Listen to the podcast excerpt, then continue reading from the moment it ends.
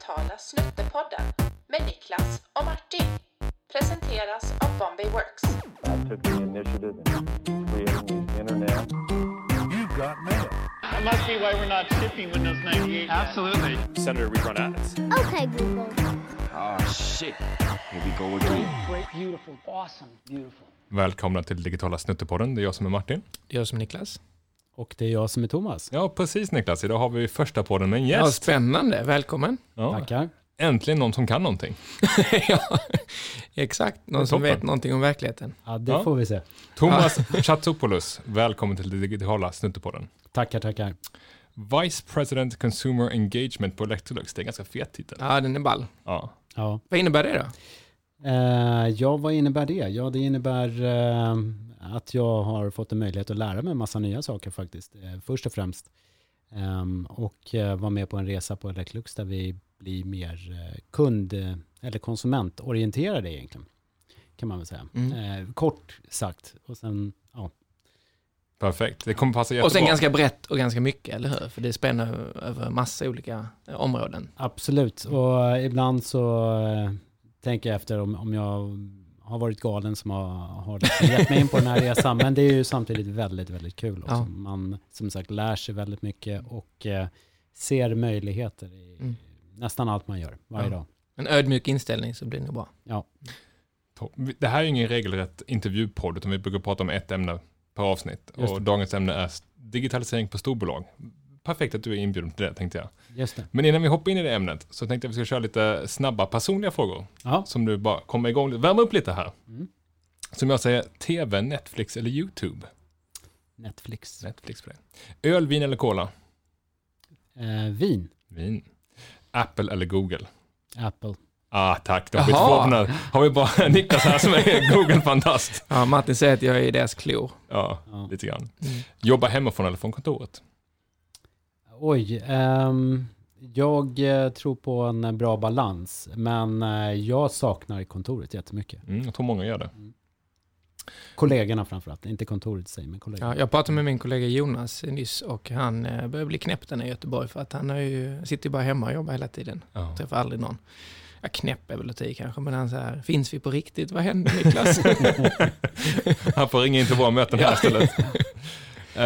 Det här är lite kluriga fråga. Mm. Eh, vad är det bästa du köpt för under tusenlappen senaste året?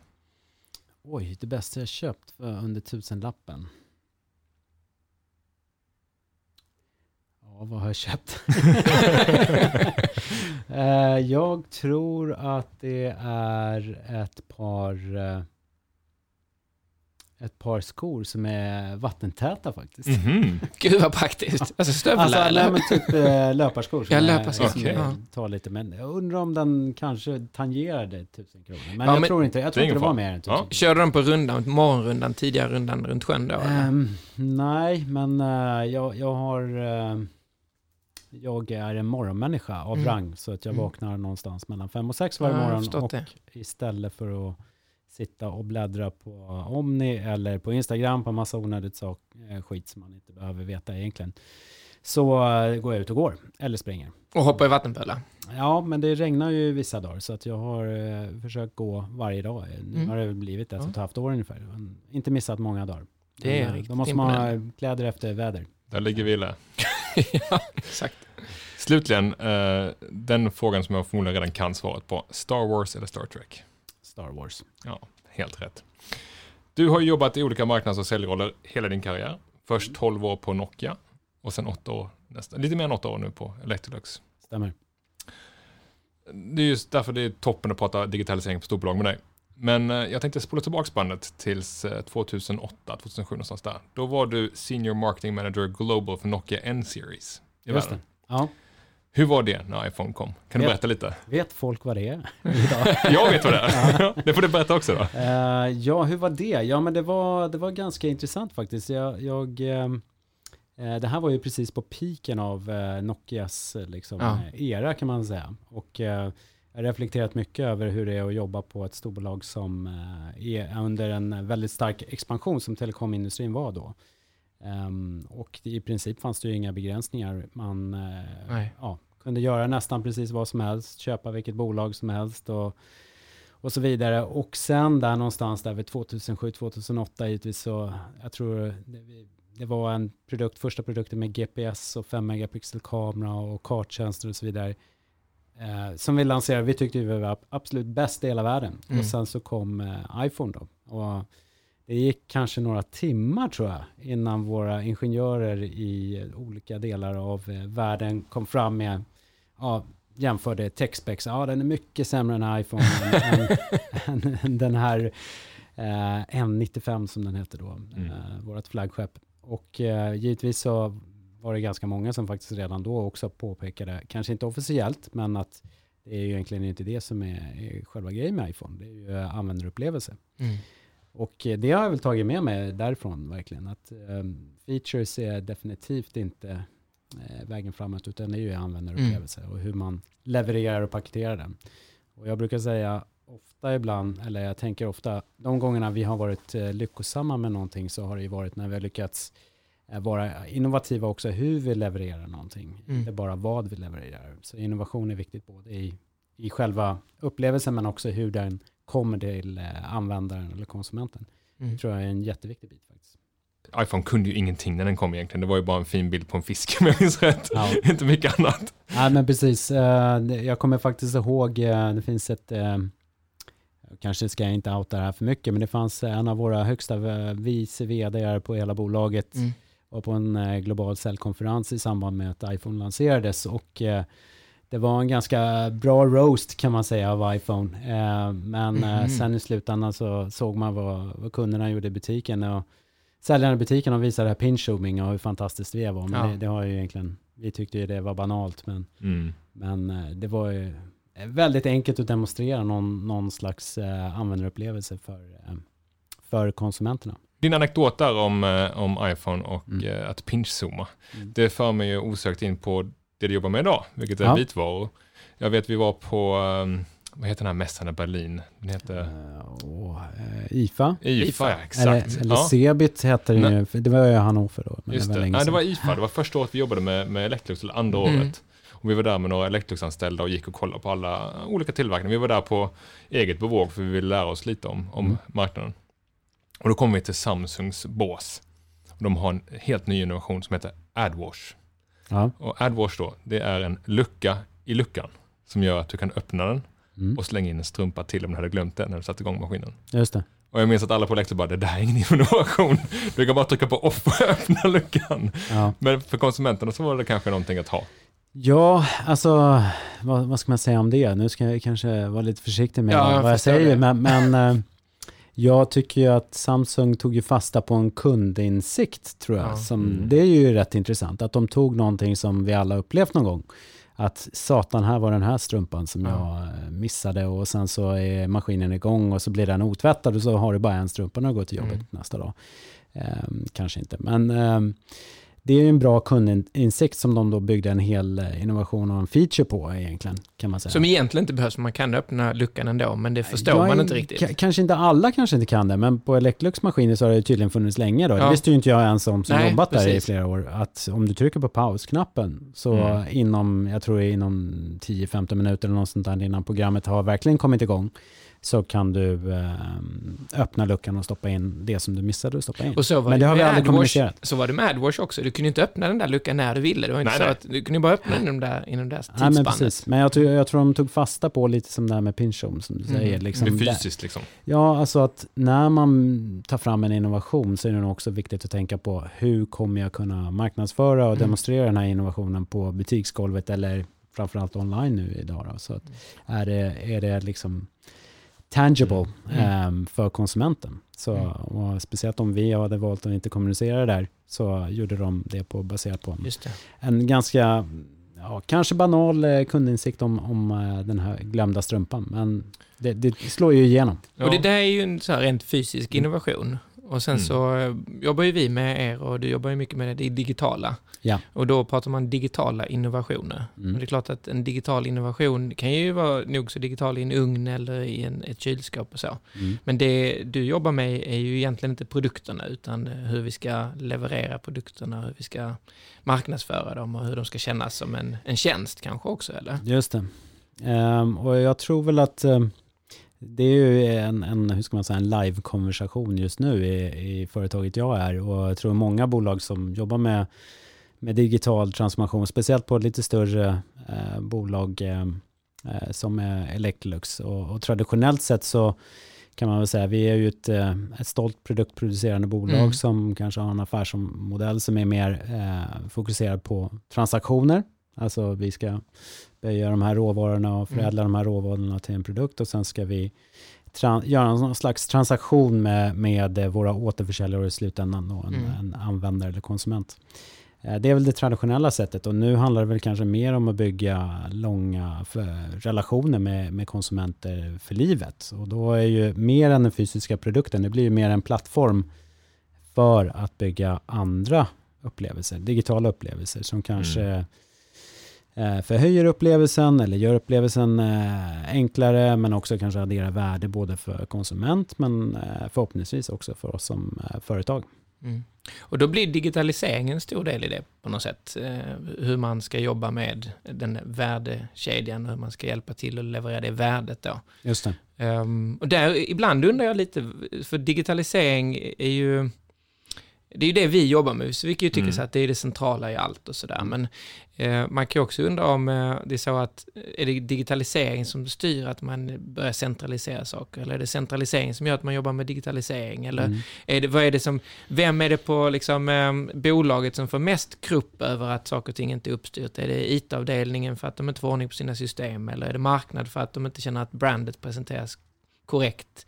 Eller är det ekonomi för att de inte ser skalfördelarna och sånt där? Hur, ja. hur hur ser man på det egentligen? Ja, vem är det som driver? Jag tror så här, digitalisering är ju inte idag en enskild eh, funktions Nej. eller mm, rolls ansvar, utan det är ju egentligen, den som blir mest frustrerad tror jag är ju konsumenten.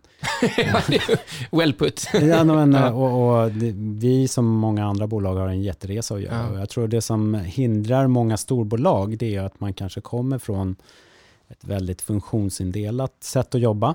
Att du har till exempel marknad, sälj eller service eller vad det nu mm. kan vara eh, som eh, jobbar med det här. Jag tror att för att lyckas med det här så måste man eh, titta utifrån kundperspektivet eh, och titta på vart någonstans finns de här pain points för konsumenten. Mm. Och det är allas jobb att försöka adressera eh, de eh, pain points. Det är, det är, inte bara marknadsansvar eller ITs ansvar och så vidare. Nej. Så det tror jag är den stora saken. Och jag brukar säga nu, om, om, om det är någon key success factor för att driva, om i det här fallet digitalisering mm. eller bättre användarupplevelser, så är det ju att vi kan jobba tvärfunktionellt mot eh, väldigt tydliga gemensamma mål. Ehm. För att, där tror jag du har nyckeln med gemensamma mål. För jag brukar säga att storbolag ska inte leka startups. Eh, det värsta jag vet är ju när en matrisorganisation eh, så blir det ofta kaos när alla små avdelningar ska ha sina agila processer och sprintar och alla jobbar springer åt olika håll och har sina egna mjukvarusystem. Mm. Hur gör man för att skapa gemensamma mål mellan avdelningarna? Det verkar ju ganska kämpigt. Ja. Uh, om jag hade ett enkelt svar på mm. det. det är därför du är här. ja, uh, nej, men uh, hur ska man säga? Ja, det, det, kräver ju lite tid, men jag tror också en tydlig strategi är nog viktigt att börja med. Jag, jag, jag känner ju lite så här, det finns den här CDO-rollen på vissa mm. bolag, Chief mm. Digital Officer. Och ibland är det lite mer spel för galleri, att man har satt eh, en person på att göra det, men de har inte gett dem så mycket budget eller så mm. mycket mandat och sådär. Och då blir det inte så mycket av det, utan det är först när någonstans eh, ledning eller koncernledningen då börjar greppa att mm. vi måste få det att fungera på tvären över alla olika enheter. Ja. Och vi måste lägga budgeten i knät på rätt personer inom olika avdelningar och de måste samarbeta. Mm. Så det blir någon kraft i det. Mm. För man får väl ärligt säga så att Electrolux och alla andra storbolag, det är lite som en oljetanker och så ska man försöka vända den någonstans. Eller så att det, det, krävs mycket kraft och många som ja. samarbetar. Eller? Ja, men precis. Nu har jag haft uh, möjligheten att se två olika storbolag också. Så att det finns ju mm. skillnader mellan eh, storbolag och storbolag såklart. Ja. Um, och kultur framför allt och hur uh, bolaget styrs och uppbyggts. Um, och jag tror du har helt rätt. Det, måste vara, det här måste vara på allas agenda. Jag tror att strategin måste vara tydlig för alla om vi ska bli konsumentorienterad så är det alla funktioner som måste bli konsumentorienterade, inte bara vissa. Liksom. Nej, marknader brukar vara lite snabbt ut där, för de är ju nära konsumenten. Så det känns Ja. som att mycket av det här driver ju marknad, har jag upplevt.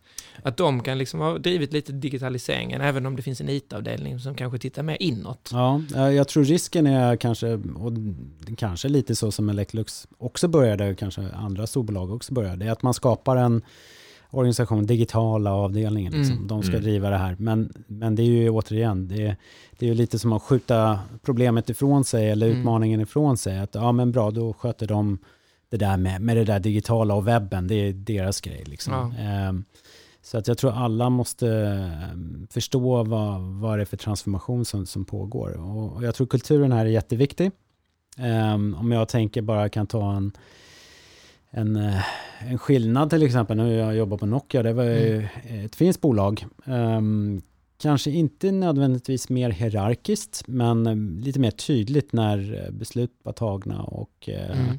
man kunde diskutera och ifrågasätta med chefer och ledning och allting sånt där. Men när, när strategin var satt, då var det väldigt stort fokus på kons, kons, eh, från koncernledningen att, att dels eh, kommunicera ut strategin, eh, se Mm. till att alla Eh, funktioner och avdelningar gjorde det de behövde för att implementera strategin. Eh, och när vi rullade ut en sån sak som till exempel SAP ehm, i, i, eh, i det här gamla finska bolaget, då var det väldigt top-down. Det var så här, ni anpassar, anpassar processerna nu efter det här sättet att jobba med en sån här struktur. Och det var ju lite mer centraliserat då. Så tillbaka till din poäng, jag tror att man kan ha vissa ehm, vissa vinster i och kanske driva vissa processer lite mer centraliserat. Så du kommer snabbare framåt och kanske lite mer effektivt Ja, just det. än i andra bolag som är lite mer decentraliserade. Så. Ja, precis. Ska man vända oljetanken lite grann så måste alla vara med på banan på något Ja. sätt. Då måste man ha en gemensam idé om det. Är Det känns ju annars som ett, eh, om man nu pratar Star Wars och så vidare, som, Ja. så kan man ju fundera på, jag, jag satt och lurade lite på det, vad är det för olika karaktärer som är vad inom ett bolag? Jag vet att du också funderat lite på det Martin, tror jag. Och just SAP-implementationen, jag var ju Mm. Accenture-konsult tidigare och var med på SAP-implementationer, Oracle-implementationer och så vidare. Och eh, jag vet inte, i, i femman i Star Wars, så ska de ju kastas ner i den här The Pit. Eh, De ska ju matas till det här eh, munnen som är i öknen. Just det. Den heter, jag kollade upp vad den hette, den kunde heta Sar, Pit eller någonting. Mm. Och där är det ju så att man blir slowly digested for a mil, eh, thousand years i den levande. Och det känns som ett potentiellt SAP-projekt ifall man inte sköter det Jag, centraliserat. jag, jag tycker SAP är mer dödsstjärnan. Är det dödsstjärnan? Det är ett jättesystem, men det har en vital flaw. Träffar man den så då funkar ingenting. Ja, nej, Men det svarar det, inte storhetssystem kanske. Ja, nej, jag, jag ska kanske passa mig lite. Vi har, vi har ju SAP som leverantör. Och jag tror att det, återigen, man måste, det finns absolut fördelar med, med ett affärssystem som SAP. Eh, Ja men gud ja, det måste man ju ha. Men om man inte sköter det rätt och inte har en central Exakt. idé om hur man ska exekvera och implementera, så blir det liksom, tar det aldrig slut innan man har nått fram så att säga. Precis, ja, och applicera det utifrån det som det är bra på, Ja, så att säga. ja, Eh, och inte försöka böja det till någonting som... Nej. Nej, för just är. när du nämnde det här med SAP som ett system, så det, det ironiska med storbolag, det är att de, de står ju faktiskt bättre rustade än startupbolagen att tackla de större eh, säga, frågorna framöver. Ta AI som exempel, eller AR eller VR. Alla de frågorna drivs ju inte av små eh, startupbolag, utan de drivs ju av stora jättar som eh, Facebook är på eh, VR-biten och äger Oculus. Du har Apple som driver AR väldigt hårt. Google, IBM driver ju AI främst i DeepMind och Watson. Mm. Så det här är ju inga startupbolag. Uh, Facebook kanske man ser som ett startupbolag, men det är, det är ju några, några av de största bolagen i världen. Det är ju storbolag Just egentligen. Mm. Och storbolag har ju mer än bara kapital, även humankapitalet att, till, att tillföra till att lösa många av de här puckarna. Mm. Eh, och man kan eh, man har råd för att ha en befintlig affär att satsa på nya områden och så vidare. Mm. Ändå så görs det kanske i mindre skala i mer traditionella bolag. Eh, och jag tänker då, Google har ju sin 80-20 princip eh, på att dela upp sin tid mellan kärnverksamhet och kanske lägga på någonting nytt, de här Just det. 20 procenten. Är det någonting som har diskuterats på, på just Electrolux, att försöka få till lite mer eh, fri tid att jobba på andra projekt? Oj. ehm, ja, alltså jag kan väl personligen säga att jag tycker att jag saknar mycket av den eh, det utrymmet ehm, i det jobbet eh, jag har idag i alla fall. Ehm, och det är möjligt att det, det är mycket annan transformation som pågår, men just tid för reflektion och titta utanför, eh, det kan lätt bli väldigt eh, internfokuserat på stora bolag också. Mm. Ehm, och vissa bolag löser det eh, genom att skapa venture-organisationer som det. Egentligen bara har som uppgift att titta externt och liksom lyfta in och eh, integrera och så vidare. Och eh, jag tror alla stora bolag skulle nog må bra av att ha någon slags eh, tanke kring det. Sen har vi provat det lite grann också, så att det finns lite av de här speedboat approach ehm, som, Mm. som vi sätter i sjön. Till exempel nu när vi går direkt till konsument så har ju mina kollegor på D2C, det har ju varit väldigt fokuserat och liksom Snabbt, eh, ja. snabbt få ut någonting, vilket jag tror är helt rätt. Eh, Ja, väl någonting som man också accelererat nu i med Ja. de förändringar som blev på marknaden. Så att man rullar ut ännu fler marknader på eh, direct to consumer då för att sälja, Exakt, inte bara via återförsäljare. precis. Så den där balansen tycker jag är Mm. intressant. Vi pratade om det internt på Bombay Works. Att visst vore det ball ifall man fick vara med i början och bygga Spotify och det hade varit kul att vara med och göra Netflix och så. Men det är ju slump ifall man hamnar där. Mm. För ofta så sitter man ju på ett, ett eh, antingen jobbar man mot en stor kund eller så om man sitter på kundsidan så sitter man i en stor organisation. Mm. Det är få som prickar in precis och kommer in som nummer sju på Spotify. Säg. Eh, och då kan man känna, ja men då får man inte göra liksom det här nya och bygga saker utan då blir det mer att man tar hand om det befintliga. Mm. Och på storbolag måste man ju göra det för man kan ju inte så såga av den grejen man sitter på. Nej. Man måste ju driva den befintliga affären och samtidigt titta liksom lite på andra stickspår. Så vi pratar internt om, och här är inte en Star Wars-referens, men vi har ju en Mm. referens till Star Trek och det Mm. får man ju ta, ta det för Ja, vad det jag då. gillar Star Trek också. Men så då pratar vi om live long and prosper. Ja. Det handlar om att fokusera på den befintliga affären. Mm. Men det finns också to boldly go where no digital growth consultancy has ever gone before. Mm. Och det är liksom lite att ha båda de perspektiven. Så är det. Eh, och det är svårt. Det är jättesvårt och jag tror i stora bolag som sagt så tror jag det är svårare. Ehm, jag lyssnade en gång på en professor i Chalmers, han hette Christian Sandström tror jag, jag kan rekommendera Mm. ehm, och, och söka upp. Han pratar ju om, eh, eh, ska inte säga fel här, men, men det är disruptive, eh, hur teknologi har, har disrupt Mm. olika branscher. Och han har några exempel, och bland annat Nokia givetvis, men Mm.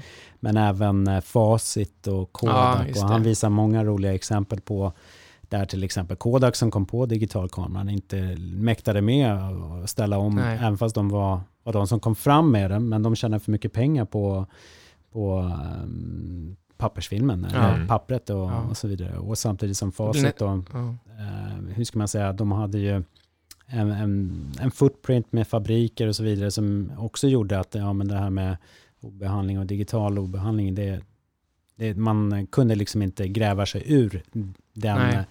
affären man redan stod i så att säga. Mm. Och det tror jag är nog är någonting eh, att beakta. Om man jobbar i ett storbolag att eh, liksom lämna kanske de här 20, kanske till och med mer ibland beroende på hur utsatt eh, din bransch är. Mm. Att se till att eh, skjuta nya skott på... Precis, jag läste en uppdelning, nu kommer jag inte på vem, kommer ihåg vem som sa den, så förlåt om jag har snott det här, men att man skulle lägga 70% av sin tid att utveckla nuvarande affär, 20% på att hitta närliggande affärsmöjligheter och 10% på att hitta helt nya affärsmöjligheter. Ja. Och de här sista 10% där tror jag som du att en venture-arm förmodligen är det bästa. Ja. För att bara sitta som eh, linjearbetare och kuckelura på sitt kontor, att det är svårt att komma på någonting bra där. Man har huvudet någon annanstans Ja, eller, man har ju det. Så. Ja, och bokat på möten och så. Men eh, för det är ju, eh, det, det är ju klurigt. Alltså vi, vi har ju varit lite inblandade i att jobba med Volvo Cars. De har ju en satsning nu på centraliserad webb och så vidare.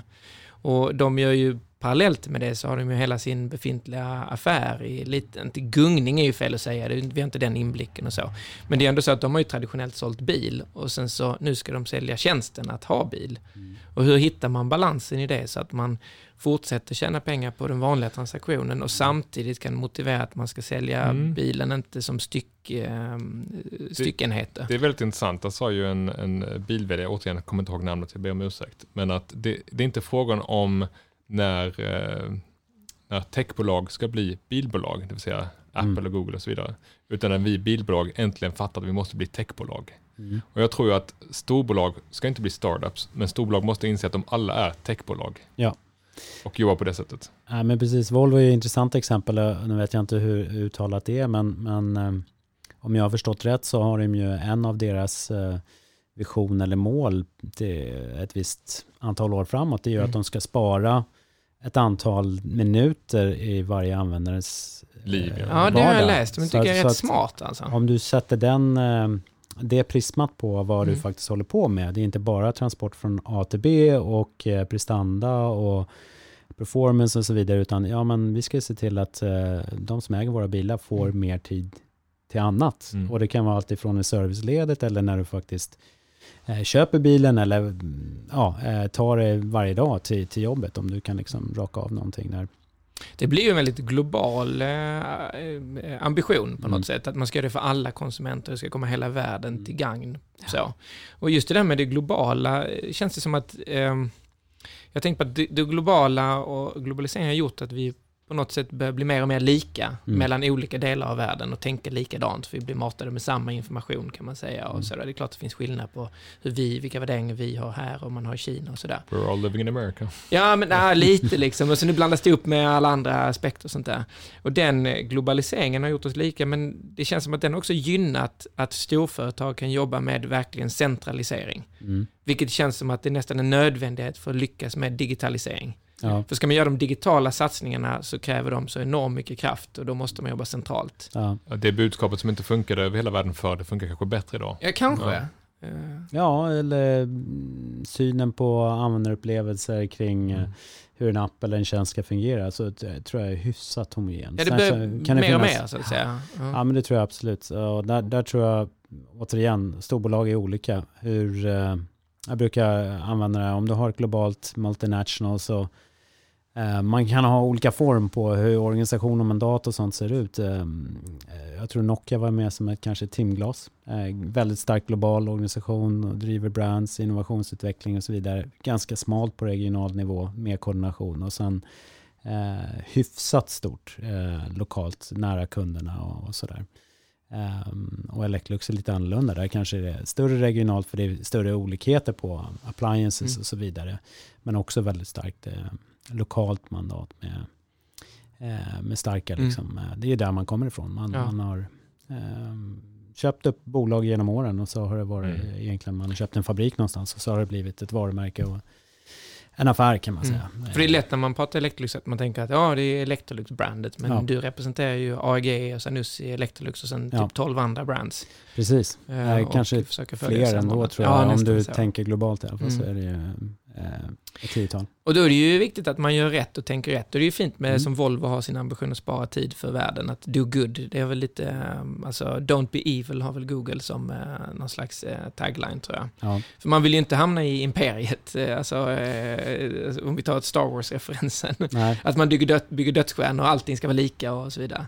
Så det gäller ju att hitta någonting som slår an hos konsumenten och har en, eh, en, liksom en framtidsvision som är inkluderande. Ja.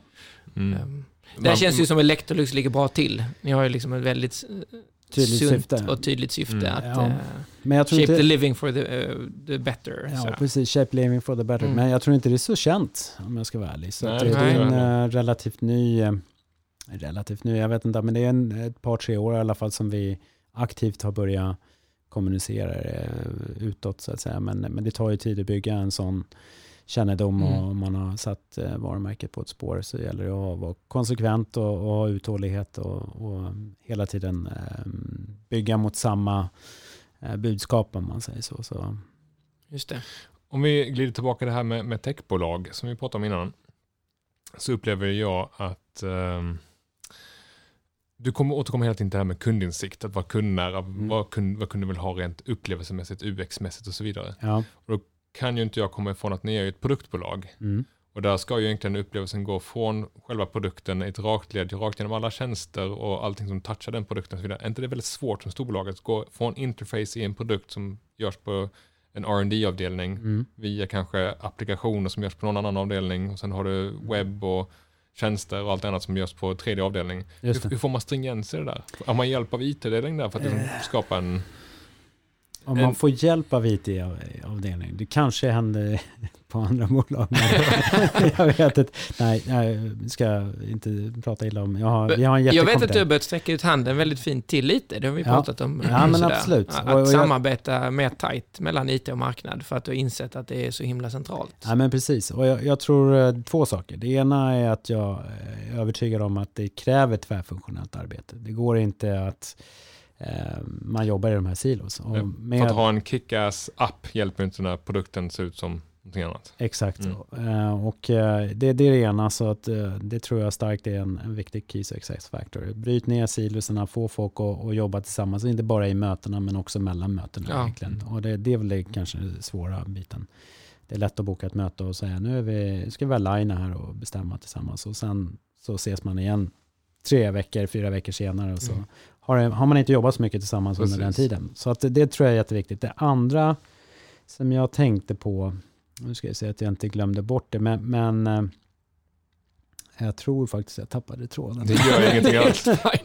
Då kan jag hoppa in istället. Ja. För det jag ville komma till, det var lite en ledande fråga. Mm. Eh, Det var ju att jag tror att storbolag mer måste titta på sin tech stack. Säga att vad har vi för eh, underliggande plattformar som underlättar för oss att ha en, Mm. en homogen upplevelse. Få en produkt via appar, hemsida, hela digitala resan egentligen. Och där har man ju IT-avdelningen till hjälp. De- Deras jobb är att bygga den här tech-stacken Mm. med input såklart från varje avdelning. Jag tror att en del av problemen idag är ju att kanske rd avdelningen har sitt arbetssätt och sina mjukvarusystem. Mm. Och man har helt andra arbetssätt och inköpta system på kanske marknad. Och andra på IT och så vidare. En del legacy jag har handskats med. Ja, så jag, jag tror ju på ITs idé om att vi måste se till att centralisera inköp av system och, och techstacken. Det måste de äga. Men det måste ju också vara med input från de som ska göra kundupplevelsen. Ja, absolut. Ja. Nu, nu vet jag vad jag tänkte prata om där. Ja, och, jag tror att Ehm, ibland så märker man att kanske man börjar med det som, som är närmast till hands. Och det kanske är, ja men vi behöver ett verktyg. Vi, vi Mm. saknar det här verktyget eller den här Mm. teknologin för att kunna göra det här. Eh, och sen så börjar man dra igång massa IT-projekt och så kostar det massa pengar och sen och så vidare och så vidare. Jag tror man måste börja i andra änden lite grann. Och eh, lite nu som eh, vi tittar på hur vi ska göra en transformation inom hur vi hanterar kunddata. Inte Mm. bara på grund av, av GDPR och så vidare. Utan det är viktigt att förstå vad är det för affärsmodell jag vill applicera först. Mm. Eller hur, hur vill jag transformera min affärsmodell? För det är ju det vi pratar om egentligen. Inte bara användarupplevelser och så vidare. Utan nya affärsmodeller. Mm. Ehm, och sen då, vad är det för typ av insikter jag behöver för att ha för kundinsikter då? Mm. Eh, konsumentinsikter. Och det kan ju vara både att man gör research, eh, djuplodande, men, men det som jag tror eh, många traditionella bolag kanske kämpar med, det är just att få den här eh, behavioral, alltså everyday liksom, Mm. insight på, på till exempel hur många kör eh, ylleprogrammet på tvättmaskinen Mm, till exempel. Vi har ingen aning idag. Eh, För våra maskiner är inte ut, uppkopplade i den eh, omfattningen som skulle behövas för att verkligen börja titta på det. Eh, vi tycker det är en förträfflig eh, feature som inte Mm. väldigt många konsumenter tvivlar på. Utan, ja, men jag kan inte tvätta en ulltröja i en tvättmaskin, då krymper Nej. den. Nej. Det är ju en vanlig föreställning. Men det kan du faktiskt göra idag. Eh, ganska fina ullkläder och de håller passform och så vidare. Fick jag det sagt. Ja, men det är bara för Men- risken är att man inte vet om att man kan öppna luckan och kasta in den där strumpan på samma Nej. sätt som man inte vet om att man kan Precis. använda sin, Eh, så, maskin. så jag tror att liksom affärslager, insiktslager och sen måste du börja då jobba med din data också givetvis. Mm. Eh, se till att din data inte sitter i olika silos utan eh, börja dra analyser och insikter av eh, kundbeteende eh, utifrån olika mm, interface eller touchpoints där, där ni är engagerade med konsumenterna. Och sen då ska ju verktygen kunna leverera det här. Liksom. Ja, Tittar jag på dig Niklas? ja Har precis. Jag sa- nej, jag vet inte vad jag saknar. Jag saknar Nej. lite Star Wars. Ja, jag har Ja. lite Star Wars här. Men det är ju svårt att klämma in. Men, eh, Jag har lite kanske kläm in här. Jag, jag satt och kuckelurade och tänkte hur skulle man kunna beskriva olika Star Wars-karaktärer som karikatyrer på kontorsarbetare? Så får ni se om ni känner igen några sådana här. Ni behöver inte nämna några namn. Nej, det ska vi inte göra. Om ni känner igen den här typen av människa. Mm. Och då börjar jag med eh, kanske min favoritkaraktär då, Han Solo. Personen som alltid klagar på att det är för mycket möten och inget blir gjort. Hotar att säga upp sig minst en gång i veckan, men dyker alltid upp igen på måndag morgon. Är det hans solo? Det är Han Solo. Ja, han dyker ju upp där sen i um, slutstriden i fyran. Mm. Eller han får för lite lön tycker han och sen så han är inte Ja, men är inte det här lite specialisten? Lite specialisten ja. Ja, ja. eller hur? Eh, kanske lite så. Eh, specialisten som, som ändå är godhjärtad, kanske är ganska eh, grön, eh, bryr sig om folk innerst inne ändå. Liksom, och, och har varit Men vill fram fort. Med mig framför. Men har lite också lite leeway på något sätt eftersom man är så duktig på sitt ämne så man kan slira lite och vara lite, lite. så här, Så Skryter gärna, höften. skryter gärna, gärna och ofta om hur många parsecs han gjorde i The Castle Run. Ja, exakt. Ja, det gör han. Ja, faktiskt. Så- Är, är en, en här, vad heter han, ehm, eh, Joe, är han också, han är ny han Solo lite, han samma eller? Heter han Joe? Joe? Joe? Nej, vad heter han då? vad heter han nya piloten i... Ja, eh, Poe Dameron. Poe! How Poe? Ja, vi någon som tittar på Star Trek. Busted. Busted. Poe heter han ja. Han är lite samma eller? Uh, ja, Nähä? ja, jag Han inte, ja, ja. lite mer Nej, ni gillar heart. inte honom, eller hur? Jo. Han är inte Det han är Disneys filmer. Ja, li- lite så här sliskig karaktär. Okej. Om vi går till andra änden då. Han För, för din, din favoritkaraktär är Jar Jar annars eller? Nej, definitivt inte. Om vi går till andra änden Ja. aspektet om Han Solo är den unga. Mm. Så har vi då Jabba the Hutt. Ja, Jabba the Hutt är ju någon som lever på gamla meriter. Har fastnat högt upp i organisationen. ja. Gör inget inom det arbetsområde som hen har, utan driver istället en maffialiknande organisation vars enda mål är att behålla status quo. ja, det är jag det. Kom du på det så snabbt? Vad synd. Det känns väldigt ledande. Ja, är, är, det jag, är det jag också eller? Ja, det är det nog kanske. Nej. Nej, vad är jag? Jar Jar. Nej, jag tror är Obi-Wan Kenobi faktiskt. Det var värst. Ja, Nej du, ja jag tror den det. visdomen besitter jag inte. Ja, men... eh, Eller har du har, något, eh, du har någon baksida där. Nej, nej. Han Absolut, typ ger upp mitt i fighten. Ska Och säga. bara lämnar över till de andra för Ja, att men fixa det. Obi-Wan Kenobi då, det är ju oraklet. Har varit länge på företaget utan att tappa sin glans. Blir inkallad så fort man inte vet vad man ska göra. Kung i många lägen, men kanske för mycket diplomat för att bli VD. det var Ja, så ju kan ganska snällt ja, ändå. vara snällt. Men du är väl vd, Niklas? Jo, jo Ja. precis. Men uppenbarligen inte... Någon, någon liten eh, twist var jag tvungen att ha. uppenbarligen inte eh, egentligen på meriter utan på, eh, på tid i bolaget. Ja. Mm. Nu har jag bara tre kvar så jag kan bränna av lite snabbt. Mm. Boba Fett då. Ja. Inga känslor, inga vänner. Gör vad som helst för att komma till nästa löneförhöjning. Ja, men för rätt mycket gjort, Mm. tror jag. Alltså en driven person som verkligen kör alltså. ja, men det är den urtypiska silo, siloarbetaren. Ja. Det är bara eh, my way or the highway Ja. och det här är mina mål och jag ska bara Ja. nå dem. Och Exakt. Det var. KPI-driven. Mm. KPI, det är en extremt röd person. Mm. Sen har vi då eh, Yoda. Eh, du mejlar en enkel ja nej-fråga och får tillbaka 15 retoriska påståenden, tre anekdoter och en inbjudan till ett telefonsamtal istället för att prata via mail. Är, är det här IT? ja, kanske. Det kan vara det faktiskt. Ja, det kan vara. Ja. Eller så jag brukar de- få många frågor. Eller så är det C3PO som är IT, jag vet inte. Ja. C3PO kanske inte är IT, det kanske är eh, ekonomi. Mm. Eh, paragrafryttaren. Kan rabbla personalhandboken utan till. Hatar förändring. För varje förändring som ska till så ska C3PO 100, kan ha 100 anledningar till varför det inte kommer gå. Ja, har väldigt mycket kunnande i och för sig. Behövs Det har också. Det behövs eh, nå- något Ja, ankare som precis. håller en lite grundad också. Ja, Mm. exakt. Vilken karaktär vill du vara? Eh, jag tror inte jag Du är- kvalar in. Jag är väl Poe eller Joe. Ja. det här lite Disneyfierade, o- o- icke omtyckta, eller Jar Jar Binks får jag väl också vara då. Ja. Ja. Men vem är R2D2 då? Den här fixaren som bara fixar allting utan Ja, att att säga som, någonting som, egentligen som, som ingen förstår vad han Ja, den osynliga personen på bolaget. Ja, eller den, det vet du, vad- vet du vem det är? När du började jobba på Ja. Mercedes, Martin, så, så hade, ringde du till din pappa, som hade en Ja, hög position stämmer. i svenskt näringsliv, och så sa du så här, pappa, alltså jag fattar inte, men... eh, Ja, du kan ju berätta själv förstås. Nej, men det var precis som du sa, jag ringde hem och så sa jag, jag förstår inte vem som jobbar på det här bolaget. För de som sitter här gör absolut inte det. Det måste komma fram några hemliga tomtar på kvällen när alla går hem och sköter allting. Det är ingen då som gör något. Ja, då trodde det kom ut så här gröna gubbar, men det var Ja. C, eh, R2D2 som R2D2 åkte ut så här. ja.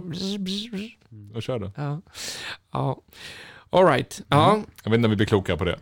Men det var hemskt trevligt att ha dig i podden i alla fall, Ja, men tack för att jag fick komma. ja. Stort tack. Absolut.